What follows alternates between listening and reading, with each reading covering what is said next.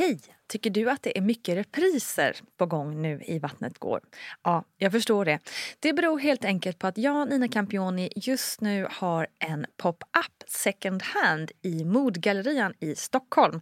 Så min tid räcker helt enkelt inte tid att göra så många avsnitt som jag hade önskat. Men tills jag är tillbaka på full tid, kom gärna och hälsa på mig i Modgallerian. Vi ses! Hej kära lyssnare! Vattnet går är tillbaka med ett rykande färskt avsnitt. Och som vanligt är det jag, Nina Campioni, som intervjuar och som vanligt är det härliga personer som berättar om sina graviditeter och förlossningar. Ja, det är liksom lite så som den här podden funkar helt enkelt. Och I det här avsnittet träffar vi Signe Simsen som för många blev ett stort namn då hon styrde och inspirerade i Nattklubbsfabriken som ju är Stureplan i Stockholm. Hon drev också en väldigt populär blogg och jobbade som modell. Numera så pluggar hon till sjuksköterska och också mamma till sönerna Alvar och ja, möjligen Assar. Vi får se hur det landar i det där med namnet. Men två söner har hon i alla fall. Och Signe berättar nu här om två vitt skilda förlossningar och två riktigt tuffa graviditeter. Som vanligt har vi barnmorskan Gudruna Abascal med oss för att reda ut saker och ting under programmets gång. Sådär, välkommen Signe.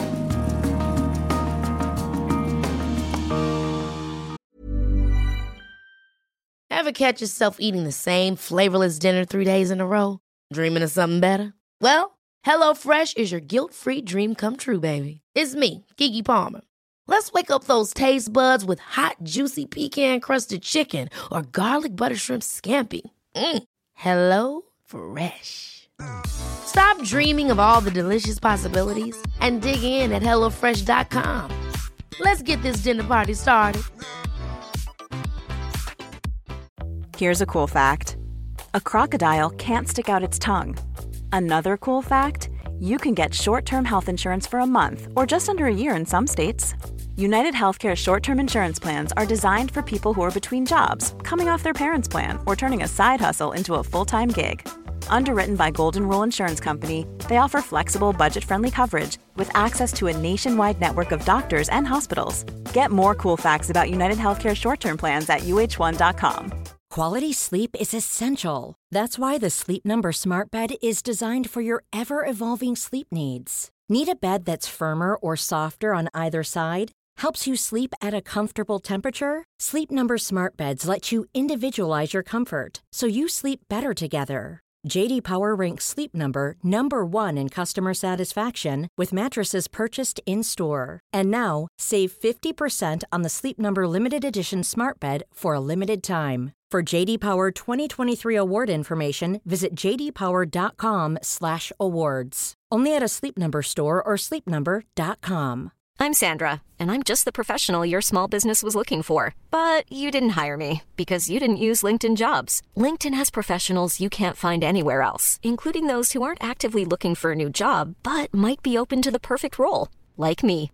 In a given month, over 70% of LinkedIn users don't visit other leading job sites. So if you're not looking on LinkedIn, you'll miss out on great candidates like Sandra. Start hiring professionals like a professional. Post your free job on linkedin.com/people today. Signe, du sitter här med ja, kanske Assar. Vi Ja. vet inte riktigt om han ska heta det än. Men han är tio veckor. Ja, precis. Han är tio veckor och vi tror att han heter Assar. Ja. Vi har skickat in det i alla fall. Han är jättegosig, sitter här och sover. Så mysigt. Ja. Hur mår du? Jo tack, jag mår bra. Ja. Hur mår du? Tack, det är bara fint. Du har ju ganska nyligen då såklart blivit tvåbarnsmamma. Mm. Hur känns det? Eh, jättebra, verkligen. Jag trivs otroligt bra med barn överhuvudtaget. Eller mina barn i alla fall.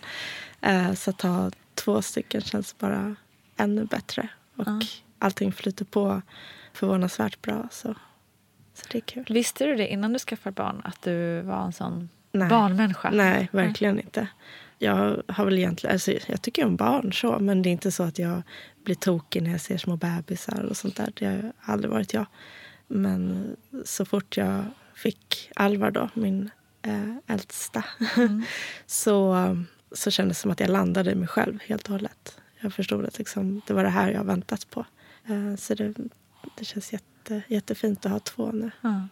Men kände du det direkt när han kom ut? Eller var det Ja, faktiskt. Eh, sen så är det klart att det tog ett tag att komma in i det. Och jag, var, jag tror att jag främst var orolig första tiden att jag inte skulle känna det här stora. Men jag kände det egentligen. Ja. Och jag kan verkligen säga att det var, det var lite som i filmen. Liksom, att man, man, han kommer ut och man, jag bara fick en sån aha-upplevelse. Liksom. Eh, sen så, så har jag liksom bara vuxit mer och mer under hela tiden. Men när du blev gravid, så var det planerat med Alvar? Eller? Eh, med Alvar, ja det var planerat. Eh, min man är väl tio år äldre än mig så han har ju ja, tjatat länge. Eh, och, eh, men jag har inte känt mig redo. Men sen så kom det liksom en dag, det var verkligen så att jag vaknade upp en dag och, och sa liksom jag vill ha barn, nu, nu är jag redo. Eh, så det var planerat. Eh, och då var jag alltså relativt ung i Stockholm ändå. Jag hade precis fyllt 26 tror jag när jag bestämde mig. att jag, Eller var det 25? Ja, nu minns jag inte. 25 måste det ha varit. Strunt samma. Eh, att jag kände liksom, äh, men jag, nu, är, nu är jag redo för det här. Nu vill jag, nu vill jag köra. Eh, och han blev jätteglad för han hade ju väntat några år. Liksom. Eh, så då körde vi med en gång. Jag måste nästan fråga just eftersom ehm, Alltså I den här podden brukar vi normalt inte sett prata så mycket om vad som hände kanske innan man blev gravid och sådär. Men eftersom du också säger att det blev en sån vändning så blir det int- intressant. Eftersom du var ju väldigt så här eh, eh, Stureplansprofil och väldigt mycket nattklubb och, och liksom sådär. Så, eh, så häftigt att du säger att det liksom en morgon vaknade upp Ja. och så ville du liksom se en förändring. Eh, Hur, har, har liksom den förändringen från nattklubbslivet eh, ja. till eh, tvåbarnsmamma, har den bara så här, känts självklar eller har det varit jobbigt någon gång? Liksom? Nej, men det har verkligen känts självklart. Jag, har liksom, jag tror att jag har tömt ut mina nattklubbsdagar. Jag gick ut väldigt mycket liksom, under många, många år. Eh, och sen så självklart så saknar jag det ibland. Det gör jag verkligen. Eh, för det har varit en extremt stor del av mitt liv. Eh, jag började gå ut tidigt och vara ute. Jag har jobbat mer och liksom var ute väldigt mycket. Det var mitt liv. Liksom.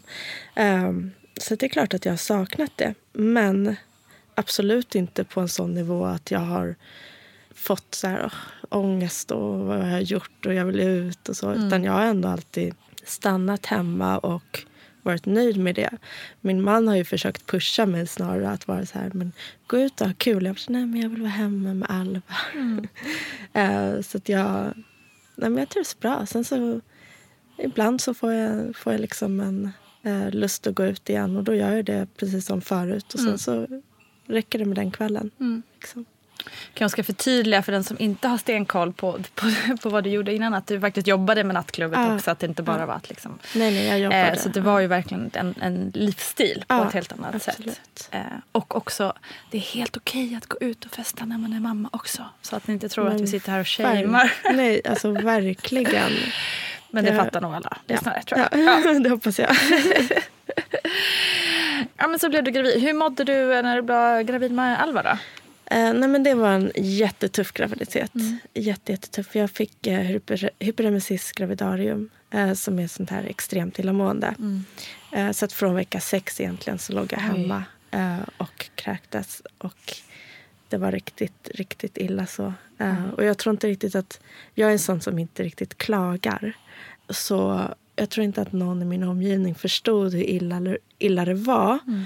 Alltså när folk började förstå, när typ min man började förstå. Och, och jag kommer ihåg att han var bortrest ett tag så mitt mam, min mamma var över mycket och hjälpte mig. För att det var, det var så illa så att jag kunde knappt gå, gå upp på toaletten för att jag var så skakig och darrig för att jag kräktes. Liksom, hade ingen, ingen energi. Och då när hon eh, var hemma hos mig och så kom jag ihåg att jag typ visade henne. Jag bara, så här mycket kiss kommer. Och det hade liksom verkligen kommit några droppar. Hon bara, men du får inte i dig någon vätska alls. Jag bara, men jag är glad att jag har kissat i, idag överhuvudtaget. Ehm, så att egentligen skulle jag ju legat inne Ja. eh, och fått dropp. Ja. Men jag var, jag vet inte, jag är så här, klagar inte och bara, nej men det, man mår illa och så. Ehm, så att då, då låg jag så fram till typ vecka 20 och under den tiden så fick jag också foglossning. Eh, också när jag kunde börja liksom röra på mig när jag bara kräktes fem gånger om dagen istället för hela tiden, runt vecka 20 då. Eh, då hade jag som foglossning istället så att jag knappt kunde gå. Så att det, jag låg egentligen hemma hela graviditeten Gud. i princip. Men fick du inga, alltså, du, tar, du pratar inte heller med din barnmorska om, om Jo. illamåendet? Jo, men jag fick ju, ta- fick ju tabletter och allt Okej. sånt. Absolut. Ah. Eh, Men det var men- inget som hjälpte eller? Nej, jo, det gjorde det säkert också, men inte tillräckligt. Mm. Så. Nej, men det, var, det var en jättetuff graviditet. Men då, då var det liksom... Jag såg ju fram emot det här så mycket också. Eh, så att jag klarade mig ändå igenom det med tanken på att liksom jag kommer få ett litet liv. Och liksom eh, connectade väldigt mycket med barnet i magen och så. Så det, det, det funkade ändå bra, men det var extremt tufft och jag, ja, men jag, jag, var, jag var bitter, jag mådde dåligt. förstår och jag liksom, verkligen. Det var inte, det var inte så kul. Men allting släppte i princip samtidigt som jag fick honom. Mm. Alltså, det var verkligen så, jag, jag kräktes inte någon gång efter det. Och jag eh, kunde egentligen, foglossningen släppte i princip med en gång också. Mm. Så att det, Ja, Det är så konstigt det där. Ja. Det är konstigt, det är ju naturligt på ett sätt men det är ju så att, man, att det ska vara sån stor ja, men det är jättemärkligt. Men jag tänker också på, i och med att du eh, liksom inte fick i dig någonting där de första 20 Mm. veckorna eh, och sen säkert lite också, Mm. väldigt lite även efter. Hur, vad säger barnmorskan liksom, med näringen och så till, till barnet också? Det enda Alltså, de pratar säger det är hela tiden att barnet får i sig det den behöver. Ja. Den tar det av dig. Så att det Ja. är du som far illa av Ja, det här. Eh, Så att jag åt ju första veckorna då, då fick jag ut i mig pommes frites ibland Mm. som jag kräktes upp. Och sen så hade jag tur fick jag i mig kolsyrat vatten. Mm. Eh, Men det var i princip det. Ibland kunde jag äta gröna äpplen. Mm. Eh, Så att jag är verkligen... Alvar har mycket allergier så jag har verkligen tänkt mycket att det är, så här, det är mitt fel för att jag inte fick i mig tillräckligt varierad Mm. kost och så. Men de, läkarna säger att, inte, att sånt ska påverka. Eh, Så Fy vad tufft alltså. alltså. Det är ju helt otroligt. ja, det var inte så kul. Och så vill du ändå bli gravid igen.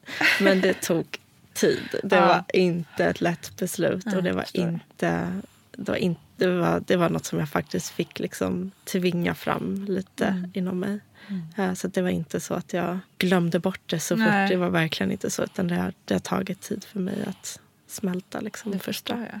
För fasiken, alltså det är ju traum, trauma i sig. Alltså Ja. för, man pr- pratar ju ofta om förlossningarnas trauman. Ja, Men att gå så, alltså det är ju det är en lång tid. ja. Hur mådde du med Assa då? Um, nej men jag hade en lättare variant av hyperemesis med honom. Så det var inte alls så farligt. Men där tror jag att jag var redan så liksom ärrad från första. Så att jag, jag tyckte ändå att allting var jobbigt. Så Det var inte kul att vara gravid. Så jag skulle jättegärna vilja ha fler barn men jag tror inte att jag klarar av att vara gravid igen. Nej. Mitt psyke klarar inte riktigt det. Fullt förståeligt. Och så med an, alltså när man får ett andra barn så har man ju dessutom stora syskonet som, som vill ha sin tid och uppmärksamhet. det är inte så men lätt om man mår illa. Nej. men det fungerade extremt mycket bättre ändå. Jag klarade mig, jag pluggar så att jag klarade att gå, gå i skolan och sådär. Mm. Eh, I princip alla dagar. Smet bara in på toaletten då och då och kräktes lite. Men det var inte Alltså, alls på samma nivå. Jag, var ju liksom, jag fick i mig mat, jag fick i mig eh, vatten. Så det, var, det Mm. var verkligen inte så. Men alltså kvinnor. Ja. Ja, nej men jag var ute och kräktes lite så men äh, det var inte så farligt. Jag kunde gå i skolan. Det är helt otroligt. Ja, verkligen. Jäkla Så starka. jäkla häftiga. Ja.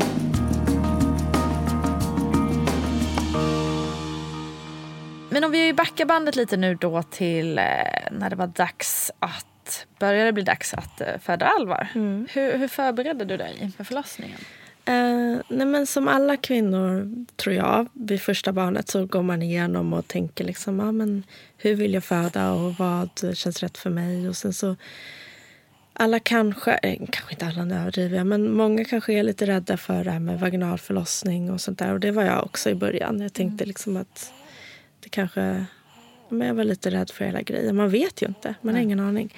Eh, men ganska snart så började jag ändå känna att jag vill köra så naturligt som möjligt på alla sätt. Ehm, att jag inte vill ha några medicinska interventioner. Att jag vill inte...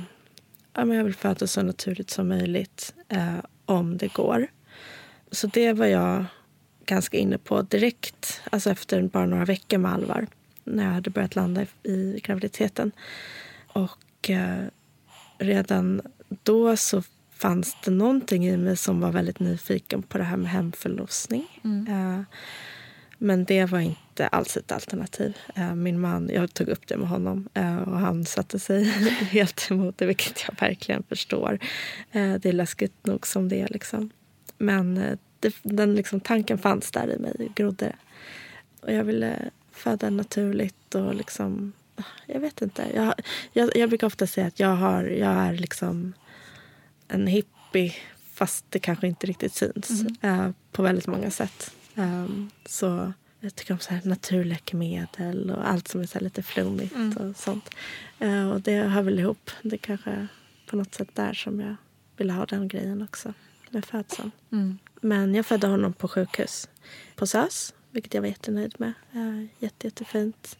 Fick inte det som jag ville ha, det här naturliga, utan det blev med alla sorters mediciner och allt möjligt. Hur började det då, alltså, när, när du var hemma? Mm. Var, hur började eh, allting? Nej, men jag vaknade på natten, som man ju ofta gör och började liksom ha, känna att det här är inte vanliga sammandragningarna. Liksom. Det här är någonting, någonting mer, något mer intensivt.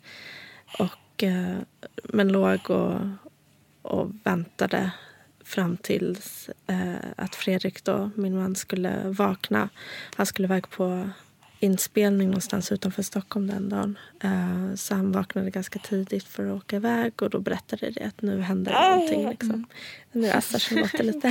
det har varit så alltså, mysigt han ligger och sover och bara så här, man, man hör det här gosiga bebis-sovljudet. Snusandet. Mm, mys. mys. Uh, nej men då sa jag det att nu, nu händer det någonting. Liksom. Um, och då blev han så stressad. Men jag ska ju iväg idag. Jag bara, det är ingen fara, det kommer ta tid. Det är första gången. Liksom. Det, så att åk iväg så, så ringer det. Det var inte så långt bort. Liksom. Mm. Och uh, så gick den här uh, slemproppen okay, också ja. där på morgonen. när, när vi gjorde oss i ordning. Och kändes det? Liksom, eller uh, ja, det var, det var ju ett det kändes liksom, nu händer något. Nu liksom lossnar något. Först tänkte jag bara det är vattnet. Typ. Ja. Men det var det inte. Utan ramlade ner. ramlade ner. Jag hade precis duschat så att jag var liksom naken och ramlade Aha. ner. på golvet där i köket. Det var verkligen så. Och jag var jätte, jätteglad. Jag var så ja nu händer det. Det här var ja, lite det är verkligen tidigt ett bevis på att, det verkligen, liksom, att man ja, inte inbillat sig något. Eller så. Mm. Och det här var lite tidigt också. Det var eh, tre veckor innan förlossningen eftersom okay. jag var så, eller innan beräknat. Eftersom jag var så trött på att vara gravid. Skönt för dig att du drog uh, igång lite tidigare. Uh, alltså, mardröm om du hade gått över tiden. Uh, nej, liksom. det hade inte funkat. Då blev jag jätteglad och så, ja, men så gick jag där med eh, de här uh, förverkarna under hela dagen. Och det, jag typ, kom ihåg att jag typ gick och handlade någonting som jag ville ha till förlossningen. Och, uh, så det gick ju bra. Och så pratade i telefon med en kompis. Och bara, jag kommer ihåg att hon pratade jättelänge om någonting annat. Sen så frågade hon, men hur är det med dig? Jag bara, jo men det är bra. Eh, jag ska nog föda idag. hon bara, va? va? Här har jag suttit och liksom öst ur mig om allt möjligt i 40 minuter och du ska föda idag. Um, sen så framåt eftermiddagen så började det bli lite mer intensivt. Så vid typ femtiden tror jag att jag ringde Fredrik och bad honom börja komma hemåt. Mm. Um, och så började han åka hem och då kände jag, vi hade inga Alvedon hemma och jag bara, nu måste jag Alvedon, du måste gå. jag orkade inte gå ut. Jag bara, du måste komma nu. Stressade på lite. Uh, och så kom han hem och jag tog Alvedon och började bada och, och sådär. Um, och hörde av mig till förlossningen uh, runt middagstid och sa att jag kommer nog komma in idag. Liksom. Uh, och de sa bara att vänta så länge du kan. Mm. Jag kommer ihåg att jag plattade håret också för att jag inte ville ha trassligt hår. För att jag visste att jag inte skulle så här, duscha sist, eller, eh, tiden efter direkt. Ja, så jag inte ville ha så trassligt hår. Uh, jag har väldigt lockigt hår. Och uh, ja, men sen så vid uh, elva tiden då ringde jag förlossningen igen på kvällen då. Och bad att få komma in. Då hade de inte plats på BB Södra som jag ville eh, föda på. Okej. Eh, så då så sa de att antingen får du komma in till vanliga eh, SÖS förlossningen eller så får du vänta lite mer. Liksom. Vi kan inte garantera något. Eh, så jag väntade lite längre men vid 12 ungefär då kände jag att nu, nu måste jag in. Liksom. Det började göra för ont. Hur kändes det då att inte kunna åka till som Nej, men det är klart liksom att det var planerat? tråkigt. eh, för att jag hade hört så himla gott om det. Att det var liksom lite mer hemlikt och att det var... De, de körde mycket det här att de litar på kvinn, att kvinnan kan köra eller kan föda utan. Ett av alla de eh, förlossnings eh, som har lagts ner tyvärr i precis. detta land. Jätte, jättesynd. Så, men jag, ja, jag, jag skulle ju komma in. Liksom. Det var inte... Så jag, jag gick väl och hoppades hela tiden att när jag väl kommer dit så kommer det lösa sig. Eh, så att jag istället för att typ ta taxi in så bestämde jag mig för att jag ville promenera upp. Eh, så, ja, eh, så att det skulle ta lite längre tid. Så att jag bara, då kanske någon hinner slussas ut därifrån. Eh, så vi promenerade upp till SÖS där mitt i natten. Det var så septembernatt som var ganska varm. Det var väldigt romantiskt på något sätt. Och eh, jag bor ganska nära så det är inte, det är inte så. Eh, men så här stannade, stannade liksom då och då upp och bara vänta, vänta det kommer en till. Ska bara sparka på den här lyktstolpen. Eh, så kom jag in och då blev det då till vanliga SÖS-förlossning och det, var, det, det gick jättebra. Så det var ingen fara. Kom in och de tog emot mig jättefint och så. Fick, de tittade lite på hur bebisen mådde och eh, hur jag mådde och sen så fick jag gå och bada. hur, eh, hur långt stort... Nej, men gud. Hur öppen jag var? Hur Eh, jag, det var jag var precis tre centimeter då. Eh, så det var lite på gränsen. Eh, men de sa att det var okej ändå. De hade plats. Så eh, jag fick stanna kvar. Skönt. Ja, det var skönt. Jag ville inte behöva vända där i dörren. Ja, men så gick jag och badade lite och det här vattnet var så kallt. ja, och Fredrik som... Ja! och Fredrik somnade där på golvet inne i det här lilla badrummet och jag satt där i det här kalla vattnet. Men gud, varför bara- var det kallt Jag vatten? vet inte. Men jag badade ganska varmt så det kanske var, att, eh, det kanske var normalt. Jag vet inte. Men eh, jag var ändå liksom... Det gick bra allting och så. Men jag, jag tyckte att det var lite jobbigt att det var kallt och så ville jag liksom upp därifrån och bara... Vet, jag är ingen vattenmänniska heller så att jag har aldrig haft den här drömmen att föda i vatten och så som många, många har. Så då väckte jag Fredrik som hade somnat där på badrumsgolvet och eh, så gick vi upp eh, och så fick jag gå lite med en sån här, jag vet inte vad det heter, men en sån här som man kan stödja Som en, sig ja, en gåstol Ja, eller precis. något sånt. Eller ja. Eh, gick jag runt med den lite i korridorerna. Och, men sen så började det göra riktigt ont. Mm. Så där att jag, alltså jag fick så ont så att jag, eh, jag förstod inte att det var sant. Liksom. Eh, och då var jag bara sex centimeter. Och så stod jag stilla där på sex centimeter jättemånga timmar. Mm. Det hände ingenting. Eh, jag kunde liksom inte slappna av tillräckligt för att öppna mig för att det gjorde så ont. Och de, vi provade med akupunktur, vi provade med sterila kvaddlar, vi provade med TENS och med Mm. varma kuddar och sånt där. Men det hände liksom ingenting. Och sen till slut då var de så här, ja men vi, vi måste sätta verkstimulerande eh, på dig. Och eh, epidural också för att du ska slappna av. Eh, Så att det var egentligen inte en fråga, så här, vill du att vi Ja, sätter det. epidural? Utan det var så här, vi tror att du ska göra det och jag vågar inte säga emot det Mm. såklart. Eh, Så det var, nej men det var inte vad jag hade liksom tänkt mig. Men eh, samtidigt så man är ju jätteorolig att det ska hända någonting och att liksom det är klart att mm, eller jag, jag, jag går bara efter vad de säger. Eh, Jag litar ju på dem. ja, såklart. Så, så då fick jag ta det, både verkstimulerande och eh, epidural då. Ganska tätt in på varandra. Jag kommer inte ihåg vilket jag fick först nu. Men, ja. Och eh, då kunde kroppen börja slappna av. Fast det tog en några timmar. Men jag fick krystvärkar ganska tidigt. När jag var, när jag var där vid sex centimeter. Eh, Jaha. ja, och det är ganska ovanligt. Jag fick det med honom också. Eh, Fick jag lite senare, sex centimeter. Men eh, jag vet inte riktigt varför. Det är ingen som har sagt det. Intressant, det har jag aldrig hört innan. Nej. För jag, sk- ja, men jag skulle gå på toaletten där och kissa. Och då fick jag krystvärkar. Så då skyndade de sig in och liksom... Oj, oj, nu kommer barnet komma. Liksom.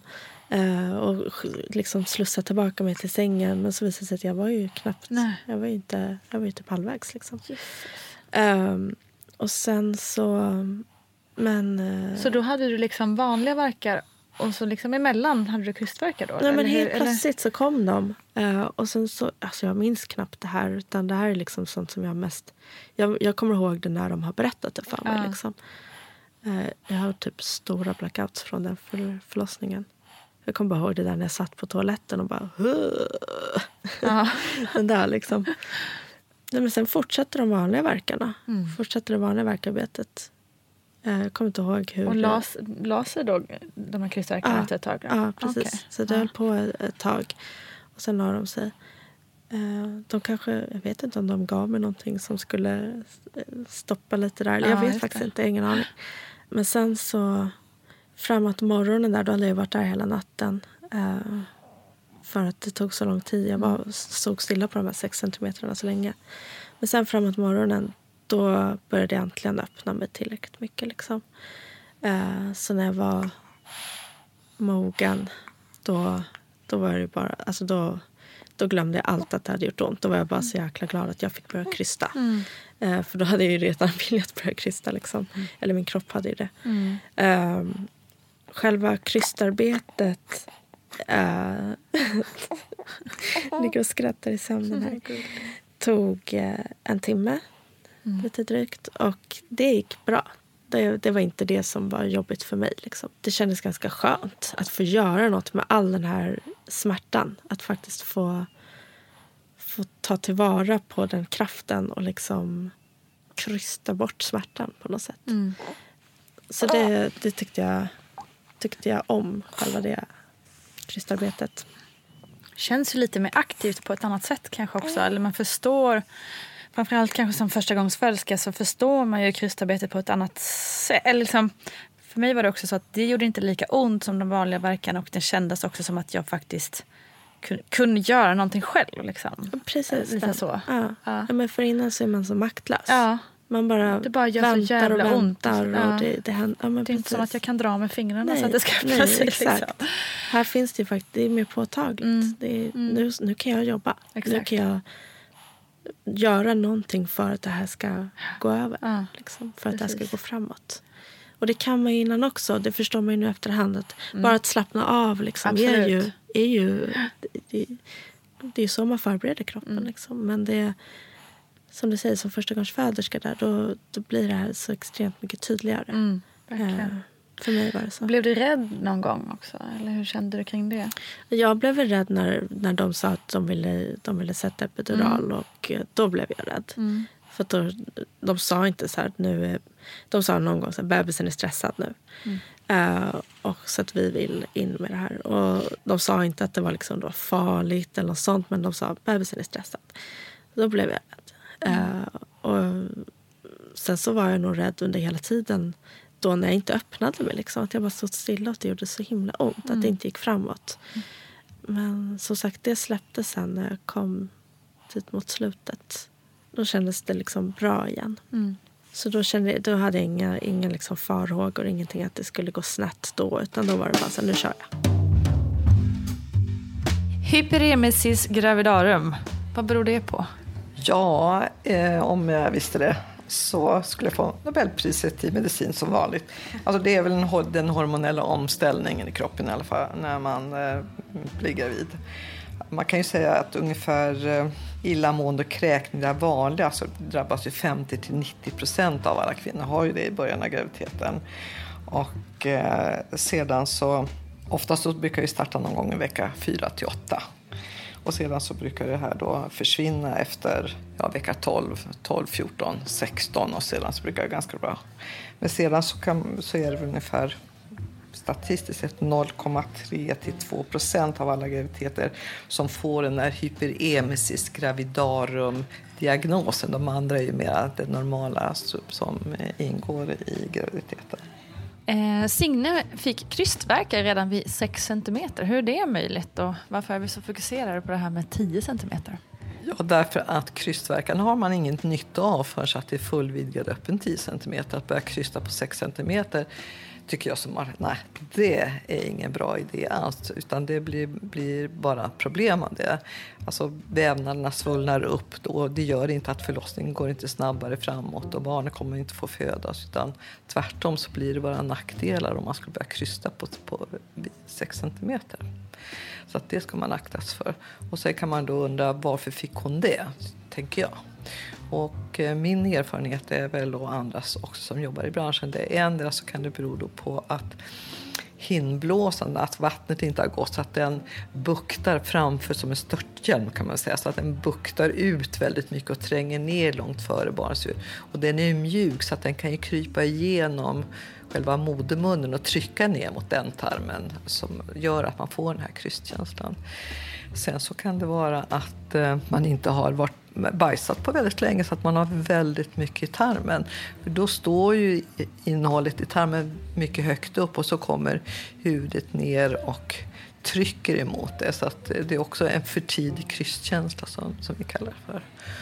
Det tredje alternativet är att barnets huvud har har inte, roterar inte på ett fördelaktigt sätt utan det kommer med ett större omfång för att passera ner. Och då vet man också att de kvinnorna får en tid, eh, tidig krystkänsla. Och det är ju någonting som många kvinnor upplever. Det är jättejobbigt för då som barnmorska så kan jag säga nej, det är inte dags ännu för börja krysta för tidigt. Så kan det innebära att barnet blir mer stressat. Det är en fysisk ansträngning för kvinnan om man vet att man drabbas av av mera, mera bristningar också om man krystar för tidigt. Så det här ser vi som ett litet problem, de här kvinnorna som vill. Man kan ju förstå känslan att Nej, men nu måste jag och så ska man, står jag som barnmorska och säger flossa på, flossa på, flossa på. Det är för tidigt, för tidigt, vänta, vänta, vänta.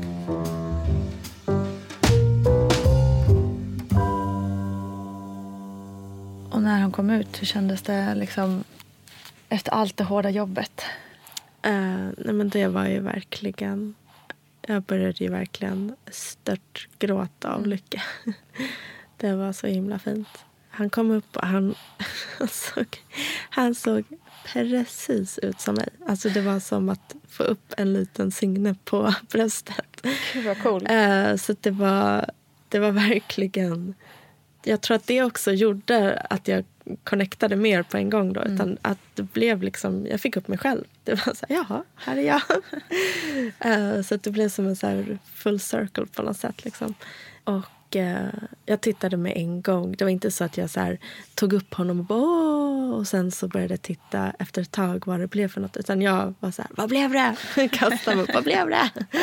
Uh, jag var ju stensäker på att det skulle vara en tjej. Okej. Okay. Hundra procent. Så det var lite av en chock. Men det, eh, ja, men det var bara så fint allting. Jag, jag, verkligen, jag var så sjukt lycklig. Och jag hade så extremt mycket hormoner som bara må bra-hormoner som flödade. Och, ja, det var jätte, jätte, jättefint. Jag, den känslan kan jag leva på resten av mitt liv. Bara tänka på. Liksom. Det var så, så fint. Jag vet att jag, jag var så himla ledsen för min mans skull sen därefter i några veckor att han aldrig skulle få föda barn. Mm.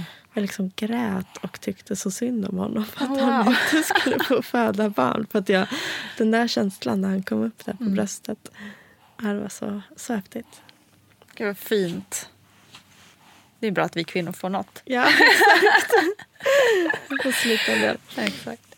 Men, eh, och sen, eh, alltså allt det här, nu känns det som att du var så himla lycklig där. Så var det typ så att du för det händer ju en del även efter mm. barnet har kommit ut. Att moderkakan ska ut och man kanske måste sys. Eller, jag vet inte hur det var för dig. Men märkte du av detta? Eller hur kändes det? Uh, nej, alltså det gick, allt gick så här smidigt. Det var, moderkakan kom ut direkt efteråt den krystade jag ut. Och det, det, det kommer jag ihåg att det var ingen som hade sagt mig att den skulle ut sen. Liksom. Så det var lite så här chock. Jag bara, oj nu kommer det fler krystar, eller krystverkar. De bara, ja det är moderkakan. Jag bara, eh, okej. Okay. jag hade ingen aning liksom. Nej men det är många som blir förvånade ja. av det där. det är därför vi ska påpeka det en extra gång. Ja, det är bra. Mm. Uh, men så kom den ut och um, det var också så häftigt tyckte jag att få, få titta på den. Jag hade ju velat spara den också. Mm. Uh, och det hade jag skrivit i mitt förlossningsbrev. Men jag tror inte de hade läst det för att de stod ju och skämtade om kvinnor som sparade moderkakor. Så att jag var så här, jag bara okej, nej. nu vill jag ju inte göra det längre. Liksom. Nej. Eh, Så det var lite deppigt. Vad hade du velat göra med Nej, den? men jag ville plantera ett, ett träd över Ja. den på vårt sommarställe. Ja. Som sagt, det är hippien i mig som... Men vad ledsamt att, du, Ja. att det blev så. ja, nej, men det känns supertråkigt faktiskt. Och jag har, har ju sparat Assars nu, Ja. eh, nya bebisens. Eh, och har jättedåligt samvete över att jag inte kan liksom... Men, Åh, gud. Mm. Kom till hjärtat av detta. ja. Supertråkigt ju. Ja, faktiskt. Ja, men det, var lite, det tyckte jag kändes lite tråkigt att de står där. För den, det var ju så himla vackert. De, de visade den med verkligen Mm. så här vördnad. Och titta vad vackert det här är. Det är verkligen livets träd. Mm. Och jag tyckte det var så himla häftigt. Och sen så helt plötsligt så började de liksom skämta om det. Mm. Så det blev bara så här. Men för det första att de inte hade läst mitt brev. Men det är okej tycker jag. Alltså det är inte hela världen. Men just där att de... Ja, det var lite respektlöst Mm. tyckte jag. Men hur kändes det? Du, fick, så du sa att du fick massa härliga hormon, eh, positiva hormoner där. Mm. Höll det i sig också eller, eller fick du någon dipp? Nej, inte egentligen. Alltså jag var, eftersom jag var så chock att han var pojke. Mm. Då var det lite så här första veckorna att jag tyckte att det var lite konstigt. Jag kunde inte riktigt säga han till honom. Utan jag kallade honom för den. Eller liksom, för att jag hade, hade inte kunnat koppla om. Så det var lite så där halvjobbigt första tiden. Men det var inte så att jag fick någon eh, förloss, alltså baby blues eller Nej. något sånt där. Eh, så det var också väldigt skönt. Men jag mådde bra och som sagt det var verkligen så här. Jag fick verkligen den här okej men det är det här jag väntat på. Mm. Det är det här jag ska göra liksom. Och allting flöt på så bra också så det är sånt som jag, amningen kom igång bra och sånt där. Så det är klart att det underlättar ju enormt också. Ja, så gissar jag liksom, med tanke på hur din graviditet var så måste det också känts som en sån himla lättnad. Ja men precis, att inte vara gravid längre. Ja.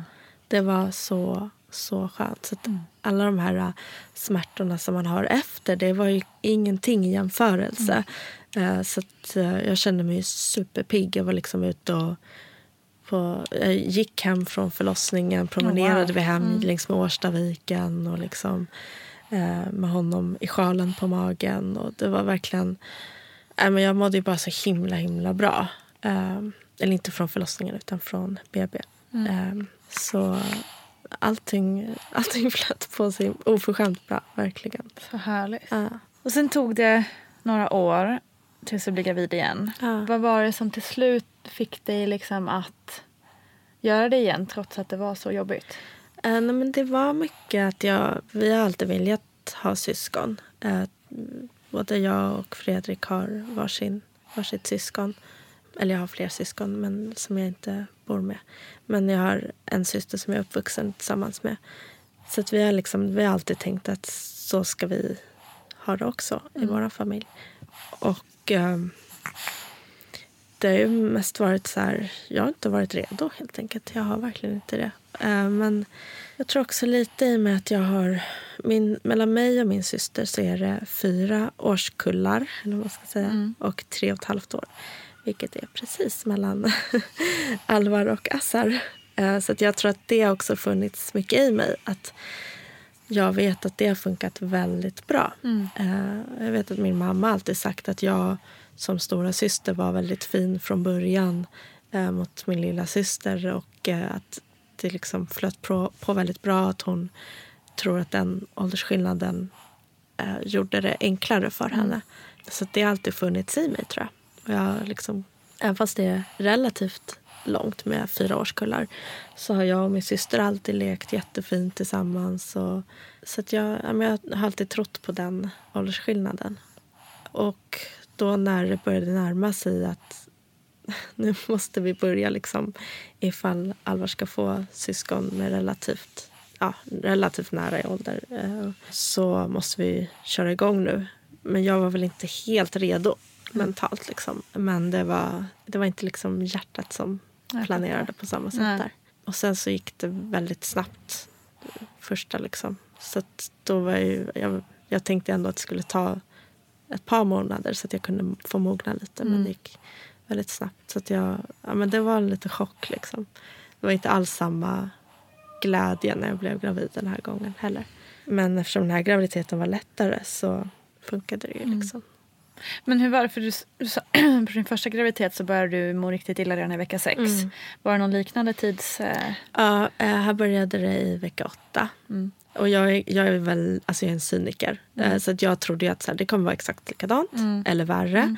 Eh, för att jag tror att det är så här 95 procent som har hyperemesis får det andra gången och tredje gången. Och så där. Och eh, så kom det inte där i vecka sex. Då tänkte jag så här, men det kommer vilken dag som helst. Det kommer vilken dag. Men så kom det liksom inte förrän vecka åtta. Och då var jag så här, hade jag nästan börjat slappna av i det.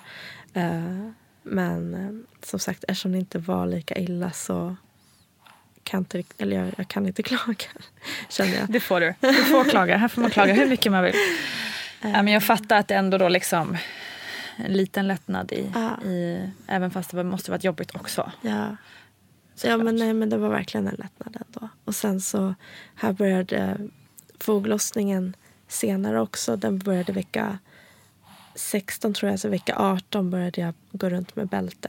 Mm. Eh, förra med allvar började redan vecka 14. Det kändes också bra.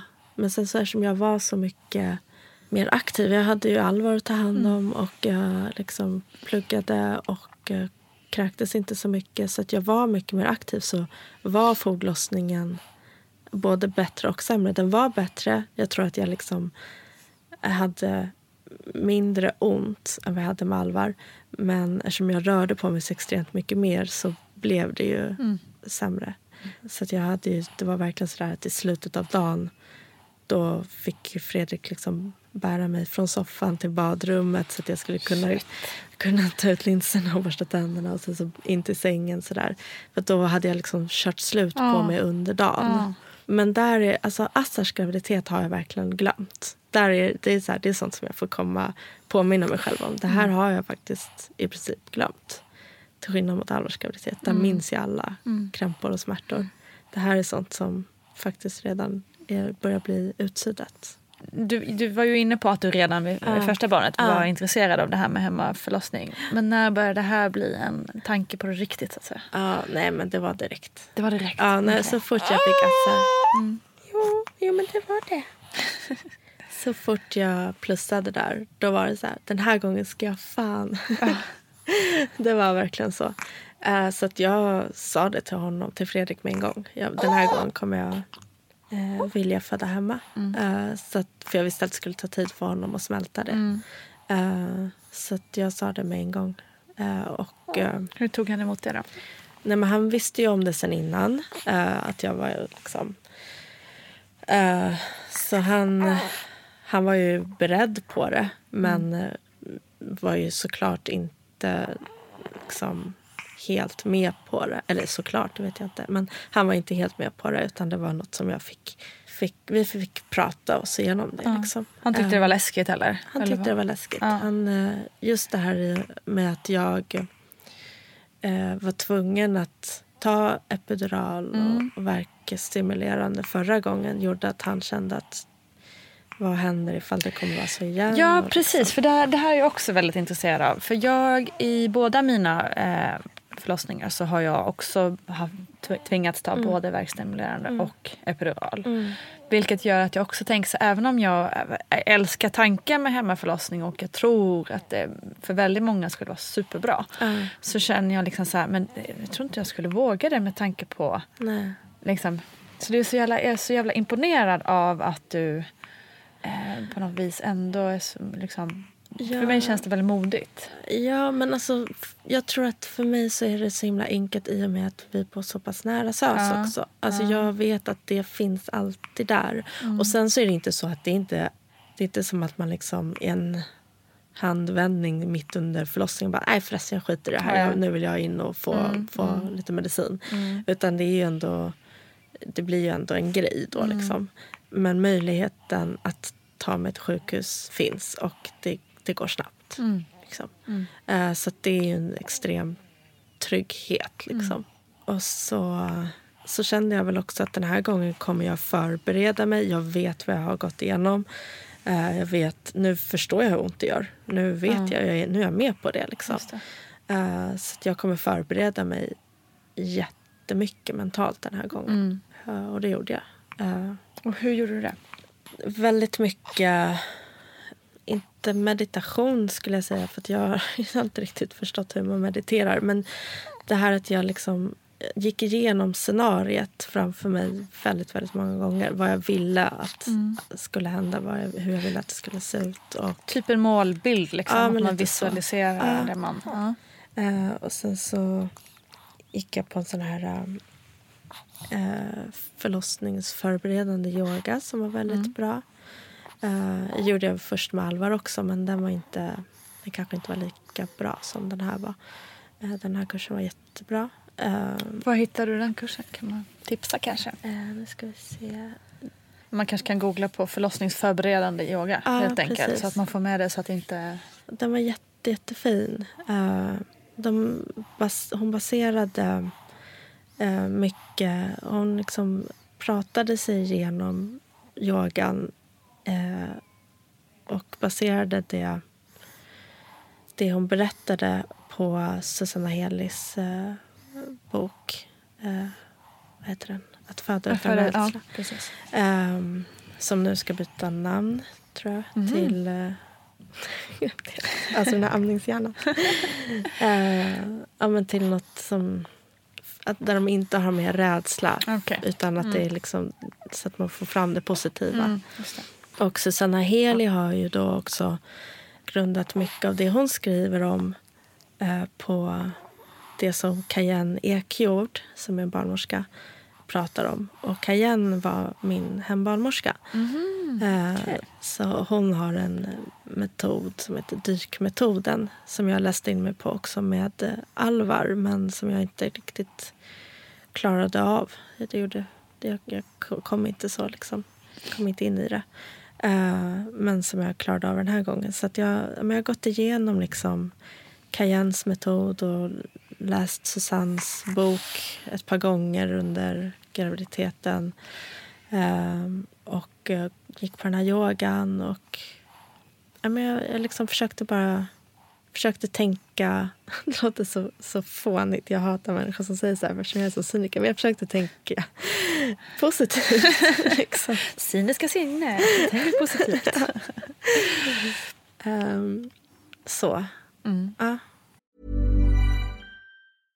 This is Paige, the co-host of Giggly Squad, and I want to tell you about a company that I've been loving, Olive and June. Olive and June gives you everything that you need for a salon quality manicure in one box. And if you break it down, it really comes out to $2 a manicure, which is absolutely insane. It's also so easy to get salon worthy nails at home with Olive and June. The difference between how your nails used to look when you did them yourself and now with the Manny system is a complete game changer. The best thing about Olive and June too is it's a quick dry, dries in about one minute, lasts for five days, and full coverage in up to one to two coats. Visit oliveandjune.com slash perfect Manny 20 for 20% off your first system. That's oliveandjune.com slash perfect Manny 20 for 20% off your first system.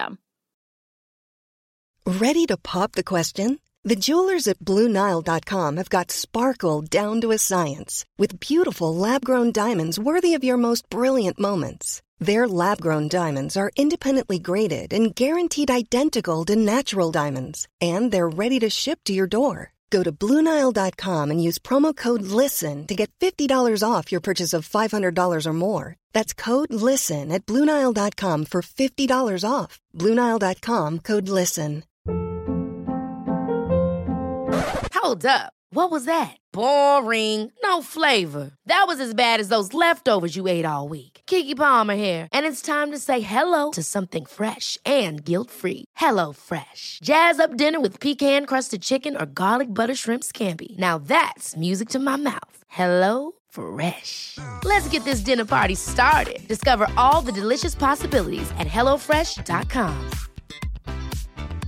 Quality sleep is essential. That's why the Sleep Number Smart Bed is designed for your ever evolving sleep needs. Need a bed that's firmer or softer on either side? Helps you sleep at a comfortable temperature? Sleep Number Smart Beds let you individualize your comfort so you sleep better together. JD Power ranks Sleep Number number 1 in customer satisfaction with mattresses purchased in-store. And now, save 50% on the Sleep Number limited edition Smart Bed for a limited time. For JD Power 2023 award information, visit jdpower.com/awards. Only at a Sleep Number store or sleepnumber.com. Hiring for your small business? If you're not looking for professionals on LinkedIn, you're looking in the wrong place. That's like looking for your car keys in a fish tank. LinkedIn helps you hire professionals you can't find anywhere else, even those who aren't actively searching for a new job but might be open to the perfect role. In a given month, over 70% of LinkedIn users don't even visit other leading job sites. So start looking in the right place. With LinkedIn, you can hire professionals like a professional. Post your free job on linkedin.com slash people today. Hur gjorde du rent liksom, alltså eh, konkret liksom? Mm. Du, du, jag gissar att du sa till din barnmorska då att du ville föda hemma. Jag, alltså jag valde att skriva in mig på en eh, mödravårdscentral som också har lagts ner nu. Eh, som är känd för att vara alternativ. Eh, och visste jag skulle stötta mig i det här. Eh, så för att det skulle bli lättare för mig, helt enkelt för att jag inte skulle behöva ifrågasätta så valde jag att skriva in mig där. Det var skönt, för att hon var ju med, med på det på en gång. Och eh, hjälpte mig att liksom kontakta rätt personer och sånt där. Eh, och så gick jag också på den här mödravårdscentralen, den har stängt nu som sagt, så gick jag också på en informationskväll. Tog med Fredrik eh, på informationskväll så att han kunde fråga två barnmorskor där då. Hembarnmorskor. Eh, fråga liksom. Det, är bara, det var som en... Vi var några kvinnor och män som satt där och fick fråga allt vad vi ville liksom, under några timmar. De eh, kör nog fortfarande fast någon annanstans så jag vet tyvärr inte riktigt vart. Men det är ett tips att gå på en sån informationskväll i så fall om man är nyfiken. Man, det, man binder ju inte upp sig till någonting utan det är bara om man är nyfiken. Liksom. Sen så kontaktade jag den barnmorskan som jag ville ha. Kajan då.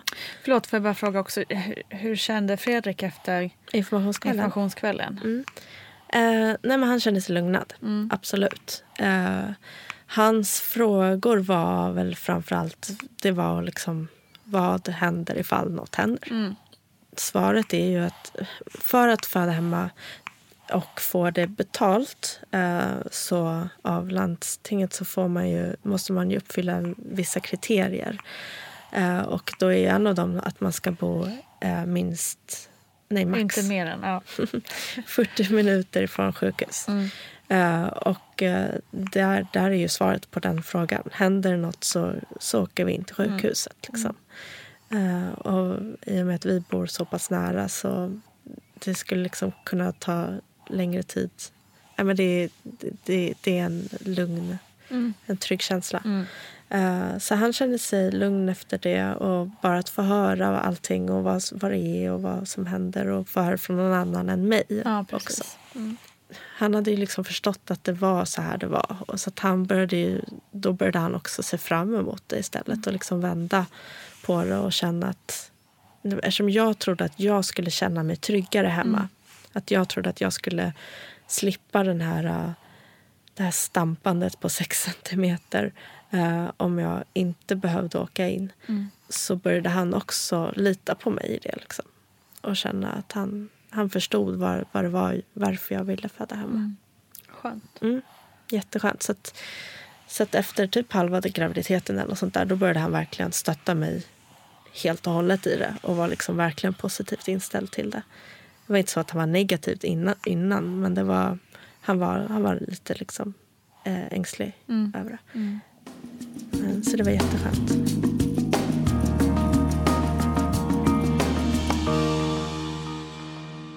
Och sen valde du barnmorska? Ja, och kontaktade henne och sa att jag var intresserad och att jag gärna ville träffa henne och eh, prata lite och, och sådär. Eh, och hon sa att hon hade... För de ska ju finnas eh, tillgängliga då på jour under fem veckor eh, runt beräknad födsel. Eh, hon sa att hon hade möjlighet att ta mig, eller vad man ska säga. Och eh, sa liksom hur jag skulle gå vidare. Det fick jag hjälp med också från min mödravårdscentral, barnmorskan där. Och eh, min barnmorska på mödravårdscentralen hon är också, hon vill också göra hemfödslar. Mm. Så att hon ville också vara med. Okej. Och hon är ju då inte godkänd ännu. Så att jag fick den, man ska ha två stycken. Mm. Så jag fick ju tre stycken eftersom jag även fick då min icke ännu godkända. Hon jobbar på förlossningar Södertälje jobbar hon tror jag.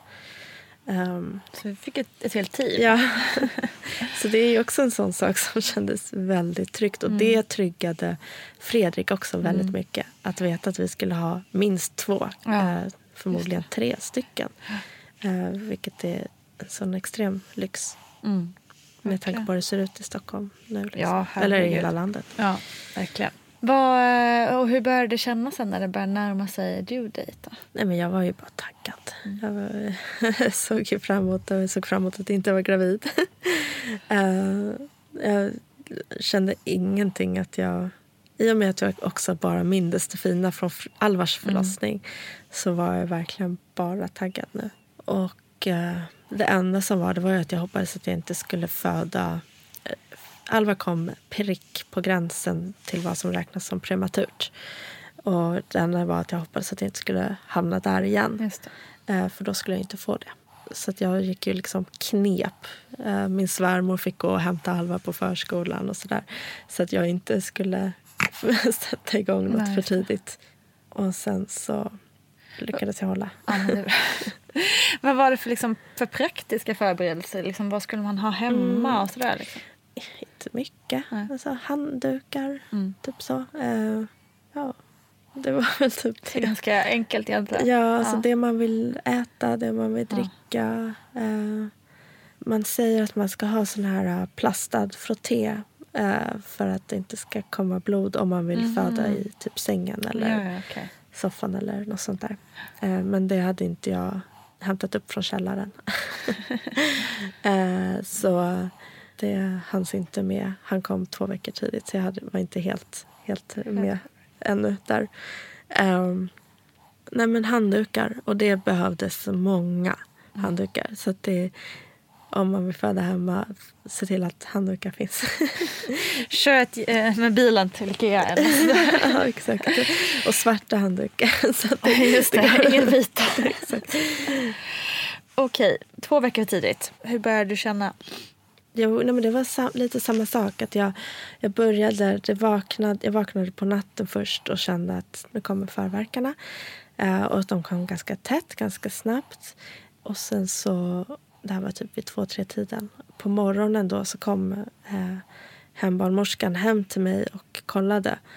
Men eh, jag var inte där Ja. alls. Eh, Men, eh, hörde du av dig till henne direkt sen? ja, jag på natten sms då? Eller? Nej, nej, jag Nej. smsade Mm. henne på morgonen. Okej. Mm.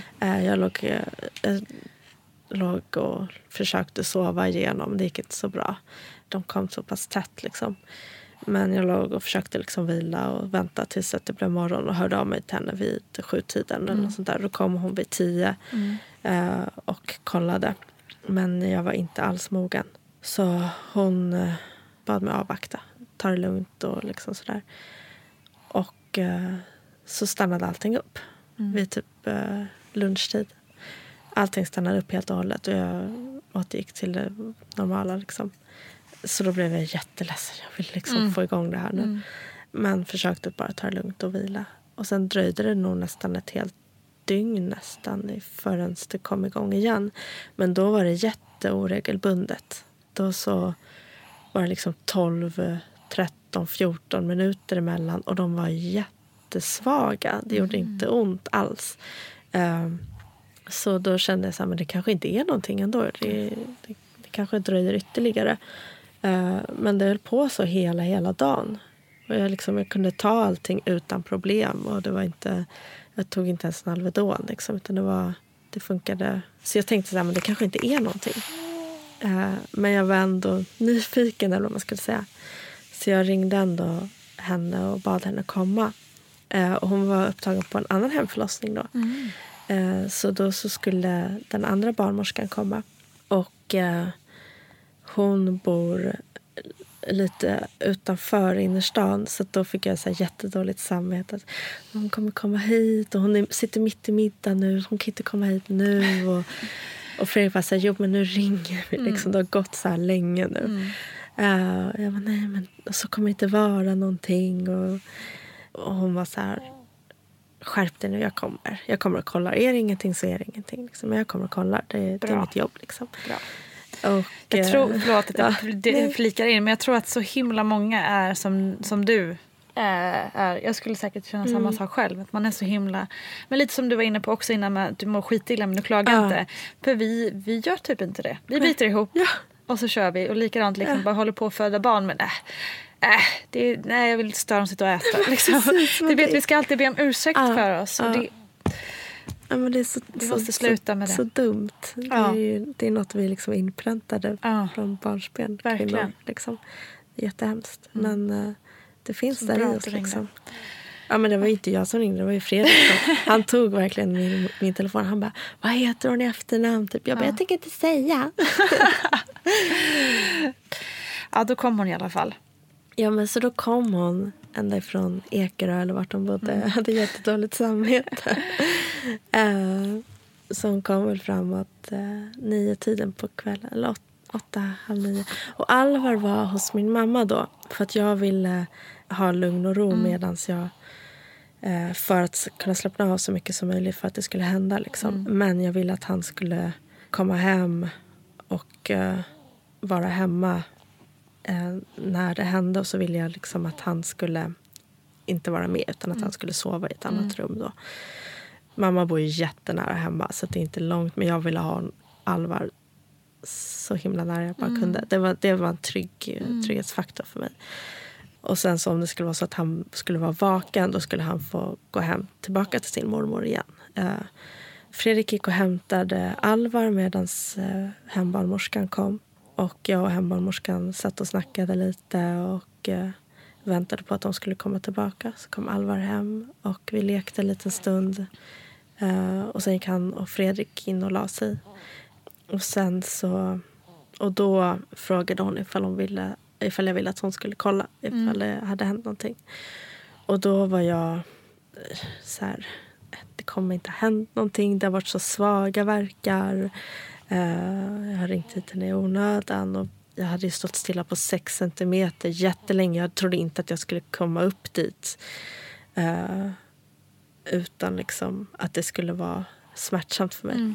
Men så kollade hon och då var jag sju centimeter.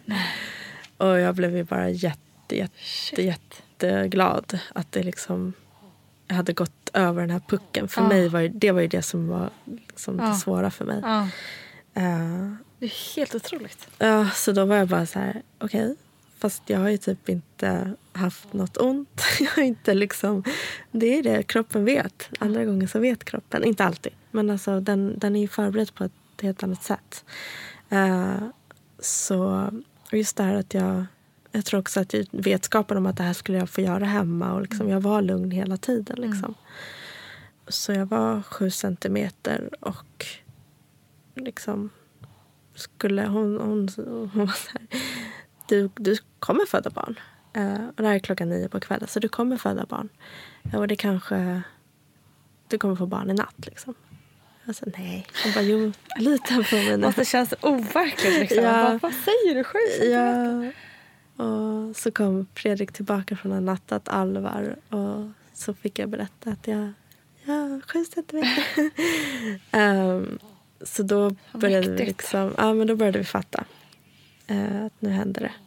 Ganska snart efter att hon hade berättat att jag var så pass öppen då började jag få mer ont. Liksom. Då började jag liksom, då började verkarna kännas. Att då intensifierades det. Liksom. Ehm, Alltså, det är nästan så att man börjar tänka att det är så himla psykiskt. Ja. Att liksom bara, okej, det är på gång. Mm. Och då bara, då Ja. drar det igång. Liksom. Nej, men det tror jag verkligen att det är. Verkligen. De måste ju samarbeta, kroppen och psyket. Ja. Liksom. Så då, den andra barnmorskan var klar då från den första förlossningen som hon var på. Så hon kom över.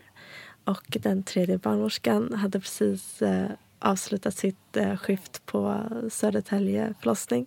Så hon åkte också hit. Och sen så, mamma hade stannat kvar hemma när eh, Alvar hade blivit hämtad. Men jag ringde eller jag bad Fredrik ringa och säga att jag, hon vill, jag ville att hon skulle också komma. De började så här tända ljus. Och, alltså det var verkligen som... Jag vet inte vad jag ska...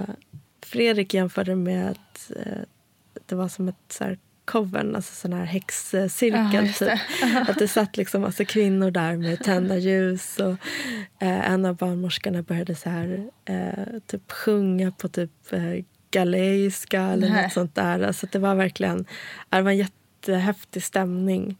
Eh, väldigt flummig så. De eh, satt liksom runt om mig och höll liksom sina händer på mig på olika ställen. Fredrik satt med, med mitt huvud i sitt knä. Och liksom, så att alla fanns där runt om mig på olika sätt. Eh, och bara hjälpte mig att andas igenom allting. Och hur gick det liksom, för du säger att verkarna intensifierades. Var det, alltså om man jämför liksom med, med verkarna som, som ändå krävde epidural och allt det här. Hur liksom, kan man jämföra Eh, smärtan? Och, Ja, nej, det går inte att jämföra på det sättet att det här var inte alls lika farligt. Alltså inte alls. Det är klart att det gjorde skitont. Det gjorde det verkligen. Men jag visste att jag kunde och därför så, så gjorde det inte lika ont. Och eh, jag vet att det var någon gång som jag sa så här Nej, men nu orkar jag faktiskt inte, men nu vill jag gå in och lägga mig hos Alvar istället. Eh, jag vill inte. Jag, jag, vill, jag vill inte Alvar. Liksom. Det, här, ja, det räcker med Alvar för mig. Eh, det var någon gång jag sa så och liksom började ge upp lite. Men i jämförelse med när jag skulle föda Alvar så då ville jag ju inte vara med överhuvudtaget. Det var, jag ville bara, bara, bara, bara hem. Det var inte alls kul. Men nu vill jag bara tio meter in till Alvar istället. Så det var inte liksom... Ja, men det, var, det var en helt annan, helt annan smärta på så sätt att jag, att jag visste att jag kunde. Nu så var jag 100 procent närvarande. Vilket också för mig underlättade. Ehm, det gjorde det inte... Alltså, att känna allting som händer i kroppen gjorde det lättare för mig på något sätt att acceptera det. hur länge höll du på och, alltså, hur länge höll du på med, med så att säga vanliga verkar och sen när du drog det igång? Eh, men hon hade ju kollat mig där vid nio tiden och det var väl typ vid halv tio som det började, jag började känna av verkarna mer. Då så hände samma sak igen. Vid tio tiden så fick jag krystvärkar fast jag inte riktigt var det var mogen. likadant? Ja. Okej. Och det här har jag ju pratat om med dem innan om. Eh, barnmorskorna sa det att jag hade krystvärkar tidigt förra gången. Och då sa de så här, ja fast det här med att man ska vara öppen det här är bara vad de jag kan inte liksom gå i god för något. Men då sa de att det här med att man måste vara öppen 10 centimeter, vi tror snarare på att man, man ska lyssna på kroppen. Liksom. Man kanske inte behöver vara öppen 10 centimeter utan följ kroppen på ett helt annat sätt. Du kanske var mer mogen då än Eh, Så att det kanske var dumt att liksom det stannades upp där då. Utan du kanske hade, skulle öppnat dig jättesnabbt då. Eh, Men så nu så drog det igång tidigt igen. Eh, Och jag var, jag vet inte. De, den här gången så tittade ju inte de efter. De kollade när, när de när, där vid nio när jag bad dem om det. Och sen så kollade de en gång till när jag ville börja krysta då. Eh, Men utöver det så kollade de ju ingenting. De hade ju inte tittade inte med doppler eller Nej, någonting sånt. Utan de lät mig bara vara. Eh, vilket jag tyckte var jätteskönt. Vilket var viktigt för mig. Hade jag sagt innan. Jag ville vara så mycket liksom. Eh, ville inte liksom tas på på det sättet. Undersökas vill jag inte. Men då kollade de när jag fick krystvärkar. och Då, jag vet inte hur öppen jag var då, men åtta, åtta, nio någonstans. Så då bad de ändå mig att eh, vänta lite till. Och det kändes okej för mig. Eh, jag kände att jag klarade liksom att tänka bort dem. Och det lyckades. Så det dröjde väl till 11 tiden på kvällen, 23, som jag nu kände att nu vill jag köra. Och eh, då fick jag börja krysta. Det tog en timme den här gången också, eller ungefär. Så att han kom ut strax innan tolvslaget. Och det var samma sak här, att jag, eh, jag tyckte verkligen om att krysta. Liksom. Det var häftigt. Och det som var extra häftigt den här gången var ju att jag inte var påverkad av någonting annat. Så att jag kände, jag kände verkligen varenda rörelse. Jag kände hur hans huvud vred sig inne i mig. Jag kände liksom exakt hur långt han kom vid varje, varje kryssning. Jag kände hur, liksom, hur mycket öppnades, hur han åkte tillbaka. När han eh, liksom passerade de här taggarna, vad heter de? Spinaltaggarna. Spinaltaggarna. Jag kände liksom var, varenda steg. Och det var att, att få vara så närvarande och i kroppen som jag var då, det har jag aldrig upplevt någonsin.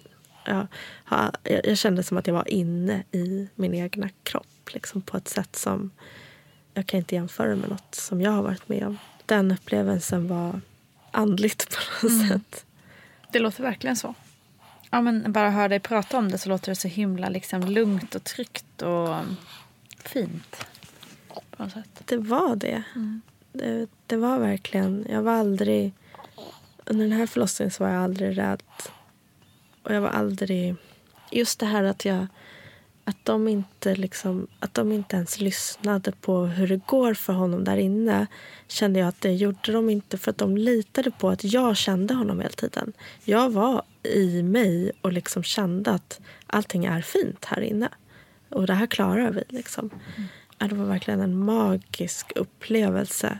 Jag var så tacksam efteråt att jag fått, liksom, eller jag är så tacksam, att jag fick uppleva det här. Eh, och jag just... jag blir helt... um, jag blir så sjukt inspirerad.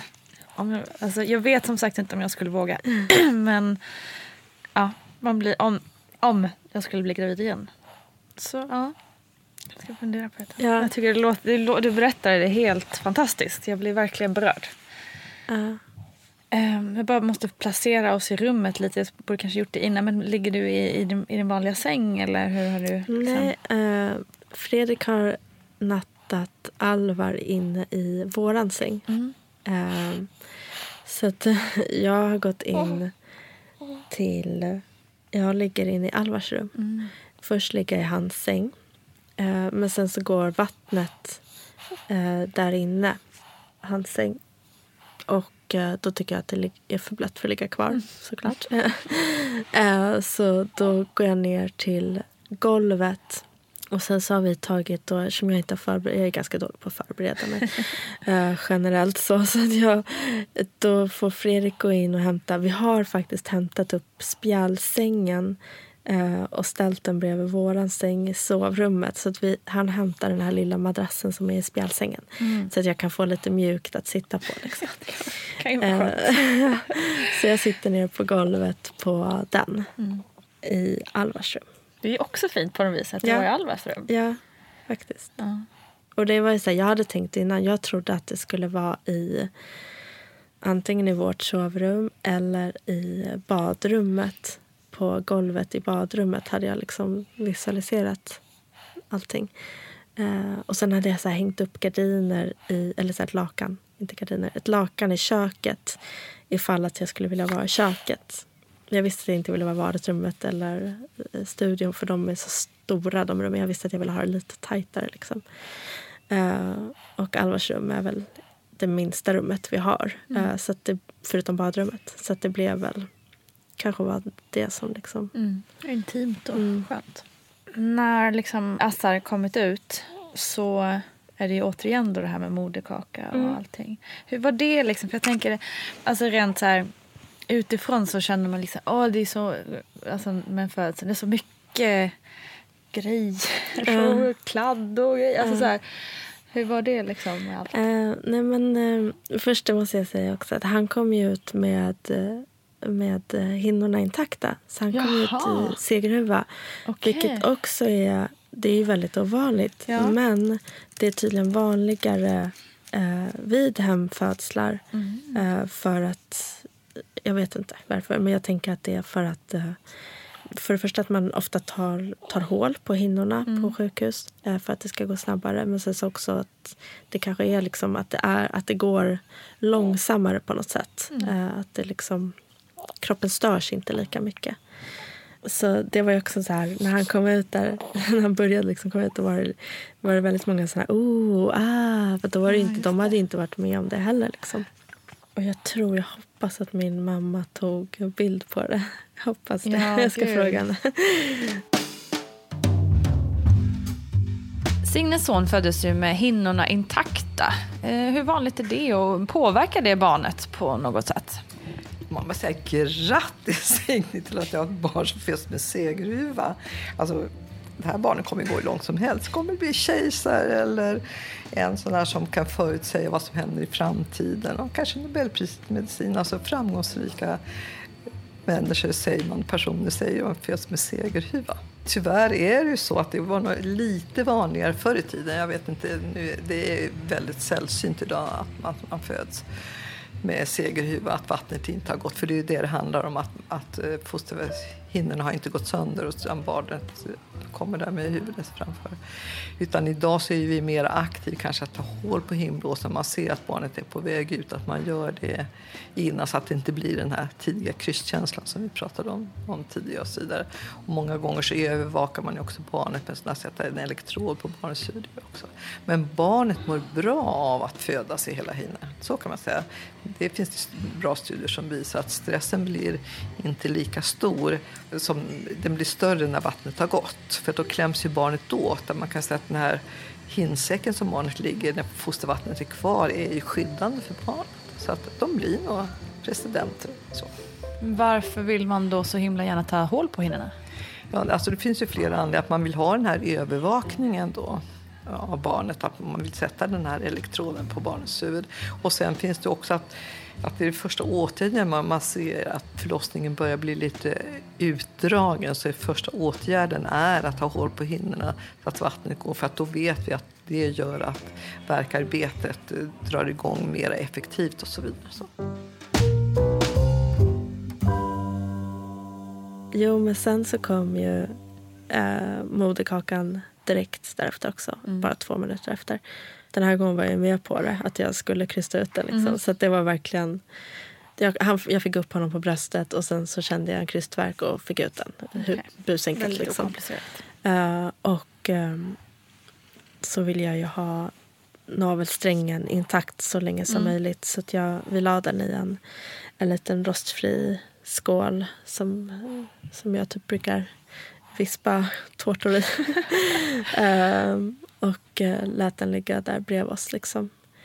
Och ja, det blir blodigt eh, och kladdigt. Eh, men jag såg ingenting av det här. Jag märkte ingenting av det här. Utan det här är sånt som Fredrik tog hand om. Och eh, han hämtade nya handdukar, mamma hämtade nya handdukar. Och sen så la de, la de det som var smutsigt i en Ikea-kasse. Och så var det inte mer med det. Liksom. Och så gick han ner dagen efter och tvättade det.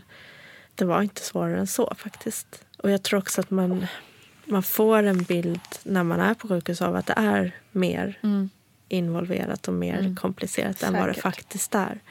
Det var liksom inte så mycket mer så. Men sen så beror det på vad för typ av förlossning det är. Nu hade jag en okomplicerad förlossning. Så att det, det är klart att det också påverkar. Hur upplevde Fredrik det då? Efterhand eftersom han var nervös inför och Ja, sådär. nej, men han tyckte bara att det var jättefint. Eh, och han, eh, han sa det... Han var ju rädd flera gånger under Alvars förlossning för att jag mådde så dåligt och hade så jäkla ont. Eh, då mådde han dåligt av att se mig ha så ont. Och han har sagt det efteråt. Han bara, jag kände mig helt trygg under hela den här tiden med Assars förlossning. För att det var, jag såg att du kunde det här. Jag såg att du, liksom, du kände dig trygg i det. Så att jag var helt trygg i det. Liksom. Ja, men han, han tyckte att det var fint. Liksom. Han, och jag är jätteglad att han, att han har sagt det. Och att han, jag tror att han upplevde det så också. Liksom. Eh, att han inte var rädd någon gång. För att det gör ju också... För jag, för jag upplevde honom mer närvarande den här gången än förra gången. Man kanske som partner också tar en mer aktiv del när det är... När man liksom, jag kan tänka mig när man kommer in till sjukhus så vill man ju bara vara, liksom, inte vara i vägen så mycket som möjligt. Liksom. Försöka hålla sig i bakgrunden och låta proffsen. När man är hemma så kanske man känner ett större Ja, men ansvar. verkligen. Och det var, han, var, han stöttade mig så himla himla fint. Alltså det, det gjorde han på Alvars förlossning också. Jag är verkligen så extremt tacksam över hur bra. Han hade liksom, jag hade inte klarat de här utan honom känns det som. Han har ju verkligen varit min trygghet i båda förlossningarna och verkligen sagt alla de rätta orden, klappat mig på rätt ställen och verkligen varit den perfekta förlossningspartnern så som jag vill ha det. Så det eh, är jag så extremt tacksam. Och jag är så extremt tacksam över att jag fick liksom uppleva det här nu utan att det gjorde lika ont. Så att jag fick också vara med honom i det. För förra gången då vet jag att han fanns där för mig men jag märkte det inte lika mycket för att jag var, var så borta mm. av smärtorna. Men nu kunde jag verkligen se i hans ögon hur närvarande han var. Jag kunde prata med honom och känna honom på ett helt annat sätt. Mm. Uh, och liksom, jag var verkligen i hans famn medan jag födde barnet. Vilket var också så himla fint. För på förlossningen på SÖS då var jag liksom fast i en säng på ett annat sätt. Mm. Då satt han bredvid. Liksom. Nu fick jag verkligen känna hans armar runt mig. Och, alltså, hans närvaro hjälpte verkligen. När eh, vad heter det, Alvar vaknade på, på, morgonen, eller när han nu vaknade, vad, vad sa han? Nej, men då, sen så då hade vi bytt så att Alvar och Fredrik gick in och la sig i Alvars rum då. Och jag gick in i vårt sovrum eh, för att få space. Mm. Eh, så, så låg jag där och då så hörde jag hur Fredrik och Alvar vaknade och och eh, Fredrik sa typ att ja, nu tror jag att eh, du har fått en liten lillebror inne i... Det ligger en liten bebis inne i, i stora sängen. Ja, men nej. jo, men det, det är det. Gå in och kolla. Och så kom Alvar in och så såg han inte honom för han var ju så liten. Ja. Så han kom in och sa nej, pappa sa att det hade kommit en bebis men inte kommit någon bebis. Um, jag bara, jo men det har det. Kom upp hit i sängen och kolla. Så kom han in och så såg han, såg han bebisen och blev jätte, jätte, jätte, jätteglad. Mm. Jättestolt och äh, det var verkligen vackert att se. Gud vad gulligt. Mm. Jag blir tårögd. ja, fint. Um, det känns som att du kan rekommendera det här med hemförlossning. Alltså verkligen. Mm. Det, jag, jag tror att om man känner sig nyfiken på det. Eh, om man känner att man skulle våga, så läs mer om det. Mm. Eh, gå på en sån här infokväll. Prata med, försök kontakta människor som har gjort det. Eh, det finns grupper på Facebook också. Och bara liksom känn på det mer. För att om man väljer att göra det, om man är den personen som vill göra det, då, då tror jag att det är det ultimata sättet att föda på. Mm. Uh, men absolut, det, det gäller ju verkligen bara om man, om man vill och, och vågar och kan. kan man kan också påminna om, som du också nämnde innan, att bara för att man har börjat läsa på eller liksom tänker att man vill och liksom kanske på, påbörjat den här processen så mm. är det inget kontrakt för nej, att man måste. Nej. Utan man kan ändra man sig. Man kan ändra sig när som helst. Mm. Man har liksom fram till samma sekund på sig ja. att ändra sig. Ja. Man kan alltid man, man, Jag står ju inskriven på ett sjukhus. Mm. Jag står ju inskriven på en förlossning. Liksom.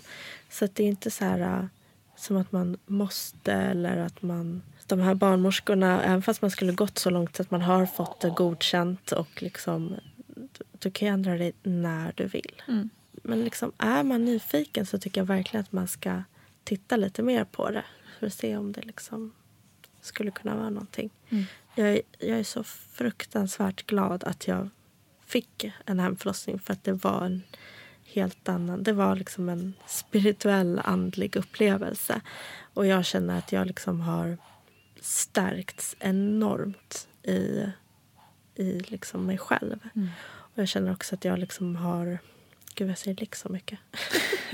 det är okej. Okay. Jag känner att jag har, jag har utvecklats som kvinna. Eh, och på många sätt känner jag mig djupare eh, rotad med alla kvinnor som, som någonsin har funnits och fött barn oavsett om det har varit vaginalt eh, kejsarsnitt på sjukhus hemma så känner jag mig liksom sammanlänkad på ett väldigt, väldigt häftigt sätt. Eh, jag är jätteglad att du kom hit och berättade om den. Tack så hemskt mycket. Tack själv. Tack Signe Simsen för att du ville dela med dig av dina upplevelser. Så otroligt häftig story, eller hur? Kom ihåg nu att man alltid får välja själv och man har rätt att ångra sig och glöm inte att ta för dig. Heja dig som lyssnar och stor kram till er alla. Vi ses på Instagram så länge och så hörs vi snart igen. Hej då! Producerat av Perfect Day Media.